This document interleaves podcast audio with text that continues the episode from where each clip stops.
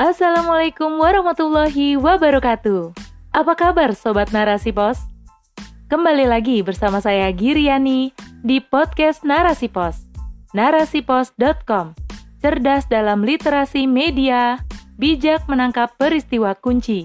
Rubrik Opini.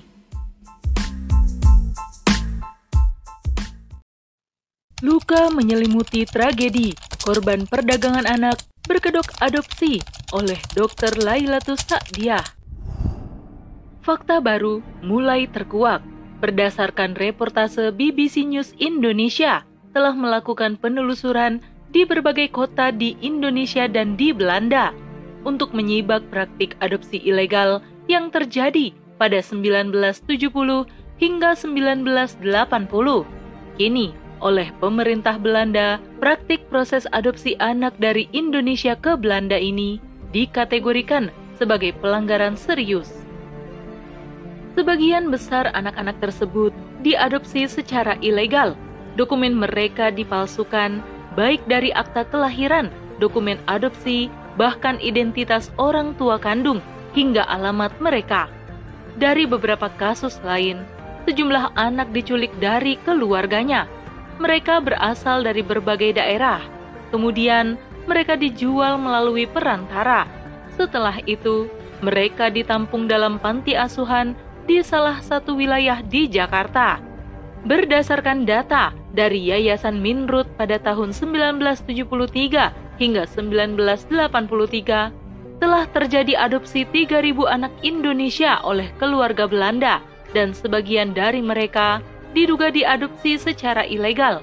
Menurut laporan Zembla, sejak tahun 1970, lebih dari 40 ribu anak telah diadopsi dari luar negeri ke Belanda. Kebanyakan dari mereka juga diadopsi dengan surat kelahiran palsu. Mereka adalah anak-anak yang diambil dari klinik bersalin dan sebagian besar dari mereka merupakan hasil dari peternakan bayi. Sebagian besar kasus yang terungkap merupakan kasus yang telah terjadi pada masa empat dekade silam. Namun, dampaknya bergulir hingga saat ini. Mereka yang diadopsi secara ilegal kesulitan menemukan keluarga kandungnya akibat data yang dipalsukan. Kasus perdagangan anak kian hari kian menjadi bukan hanya untuk perkara adopsi, namun juga marak dijadikan pekerja seks komersial, pengemis, dan masih banyak lagi. Tidak hanya di Indonesia, kasus ini juga terjadi di berbagai negara seperti Swiss, Sri Lanka, Brazil, dan di berbagai negara lainnya. Kementerian Pemberdayaan Perempuan dan Perlindungan Anak atau PPPA melaporkan kasus kekerasan anak berupa eksploitasi dan perdagangan terus meningkat di tahun 2021. Berdasarkan data Simfoni PPA, mengenai kekerasan terhadap anak dari 2019 hingga 2021, jenis tindak pidana perdagangan orang pada tahun 2019 adalah 111, kemudian kasus pada tahun 2020 adalah 213, sedangkan kasus pada tahun 2021 adalah 256 kasus. Perdagangan anak adalah salah satu bisnis ilegal yang sangat menjanjikan secara materi. Bisnis ini menjadi catatan hitam di setiap negara. Pemerintah tidak tinggal diam, namun sekalipun ada peraturan yang melarang dan memberi sanksi pelakunya, hal ini seakan tidak digubris. Sebagaimana dengan disahkannya Undang-Undang Nomor 21 Tahun 2007 tentang pemberantasan tindak pidana perdagangan orang tua atau TPPO dan Undang-Undang Pelindungan Pekerja Migran Indonesia atau PPMI tahun 2017 tidak lantas dapat menekan maraknya kasus yang terjadi. Ada beberapa faktor yang melatar belakangi mengapa bisnis ini tumbuh subur di tengah-tengah masyarakat dari dahulu hingga sekarang. Pertama, faktor keluarga. Adanya kondisi ketidakmampuan finansial dari keluarga untuk membesarkan anaknya yang kemudian mengambil jalan pintas dengan menjual anaknya kepada orang yang dianggap mampu memberikan penghidupan untuk anaknya. Ada juga kasus kelahiran anak di luar nikah yang kemudian sengaja dititipkan kepada oknum panti asuhan atau yayasan yang tidak bertanggung jawab hingga berpeluang diperjualbelikan. Kedua, faktor kondisi masyarakat yang tidak bertanggung jawab, seperti maraknya kasus penculikan anak yang bertujuan untuk dijual atau dieksploitasi. Ini merupakan tindakan kriminal yang dilakukan untuk mendukung tindakan kriminal lainnya. Ketiga, faktor negara atau pemerintah. Adanya aturan serta sanksi yang dicanangkan untuk melindungi anak dari kasus perdagangan orang kiranya tidak membuat jera para pelaku. Mereka masih berani memanfaatkan celah dan peluang dari lemahnya sistem pemerintahan dalam menanggulangi kasus perdagangan anak. Ini catatan penting yang perlu diperhatikan oleh rezim saat ini. Ketiga faktor di atas adalah cerminan bagaimana kondisi masyarakat kita saat ini sedang tidak baik-baik saja. Akibat yang lebih berbahaya jika perdagangan anak, terutama untuk kepentingan adopsi, dilakukan dengan merubah identitas anak dan merubah nama orang tua, hal ini akan merusak nasab anak tersebut, dan ini jelas melanggar syariat Islam, seperti yang terjadi pada kasus adopsi ilegal pada masa lalu. Adanya kasus perdagangan manusia, termasuk di dalamnya perdagangan anak, menunjukkan bagaimana rusaknya tatanan kehidupan masyarakat, baik skala individu, keluarga, bahkan masyarakat itu sendiri Perkara ini bukanlah sekedar permasalahan baik atau buruknya perilaku secara personal, namun kerusakan perilaku secara sistemis. Setidaknya ada dua alasan yang menyebabkan kondisi masyarakat ada pada level kerusakan seperti sekarang ini, yaitu pertama, pola pikir masyarakat semakin pragmatis, tidak peduli lagi perkara halal atau haram.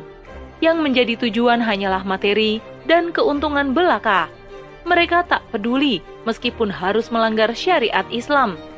Kedua, penghargaan masyarakat semakin luntur kepada manusia karena memperlakukan manusia seperti barang dagangan lainnya, semisal ayam atau kerbau.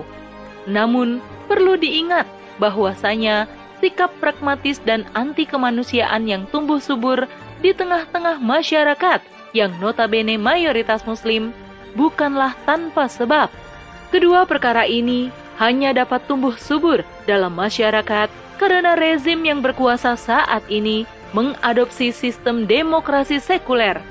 Karena dalam masyarakat demokrasi sekuler yang tidak menerapkan syariat Islam, pragmatisme, dan sikap anti kemanusiaan akan menemukan lahan subur pada pilar pengokoh ideologi kapitalisme ini.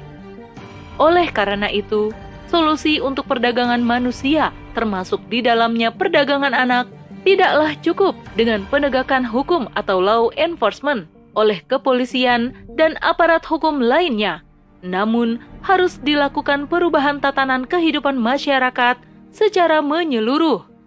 Dari masyarakat demokrasi sekuler yang anti terhadap syariat Islam berkaitan dengan sistem dan tatanan nilainya, menjadi masyarakat Islami yang mengutamakan nilai kebajikan berasaskan syariat Islam.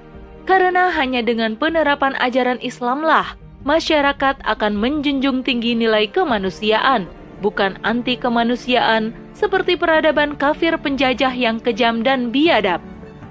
Apa pun yang menjadi alasannya, perdagangan anak adalah perkara yang diharamkan oleh ajaran Islam, sebagaimana sabda Rasulullah dari Abu Hurairah yang diriwayatkan oleh Imam Muslim.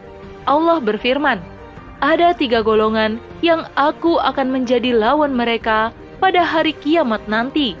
Seorang yang bersumpah dengan menyebut namaku, kemudian berkhianat. Seorang yang menjual seorang yang merdeka atau bukan budak, lalu memakan hasilnya." Sedangkan untuk perkara adopsi adalah hal yang diperbolehkan dalam Islam dengan syarat tetap mengikuti ketentuan hukum syara, seperti tanpa menghilangkan nasab anak tersebut karena berkaitan dengan perwalian ketika menikah jika anak tersebut perempuan, ataupun nantinya berkaitan dengan perkara waris bahwa anak adopsi tidak berhak mendapatkan waris dari orang tua angkatnya.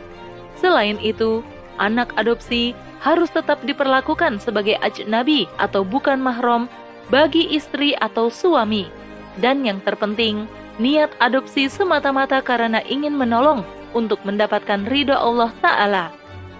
Adopsi yang sampai tataran menghilangkan nasab, haram hukumnya menurut syariat Islam, karena ini berkaitan dengan hukum syara yang melekat padanya nanti. Jati diri seorang muslim harus tetap melekat padanya agar tidak terjadi pelanggaran syariat atas siapa saja yang boleh dinikahi dalam Islam. Seperti yang disebutkan dalam firman Allah Ta'ala Surah An-Nisa ayat 23, yaitu haram menikahi ibu, anak perempuan, saudara perempuan, saudara perempuan dari bapak, saudara perempuan dari ibu, anak perempuan dari saudara laki-laki, anak perempuan dari saudara perempuan, ibu persusuan, saudara persusuan, mertua, anak tiri yang ibunya sudah dicampuri, menantu, kemudian tidak boleh menikahi kakak beradik dalam waktu bersamaan. Itulah yang diharamkan untuk dinikahi dalam syariat Islam. Penerapan syariat Islam secara kafah dalam bingkai khilafah Roshidah akan menjaga setiap individu agar tidak terjerumus pada pelanggaran hukum syara. Peran pemerintahan adalah sebagai perisai bagi kehidupan masyarakatnya.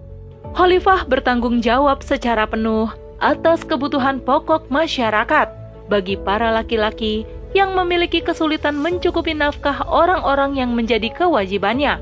Hilafah akan memudahkan dengan menyediakan lapangan pekerjaan, sehingga tidak akan ada kasus anak dijual oleh orang tuanya.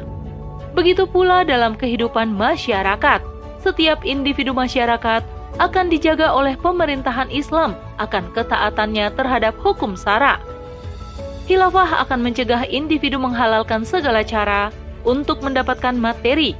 Khilafah juga akan memberikan hukuman yang tegas bagi setiap individu atau kelompok masyarakat yang terlibat dalam aktivitas perdagangan manusia. Begitulah khilafah dalam menjaga dan memuliakan manusia. Wallahu a'lam Be so up.